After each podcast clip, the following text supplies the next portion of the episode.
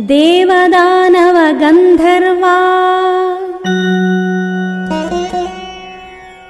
यक्षाः पतगपन्नगाः न शक्ता रावणम् सोढुम्।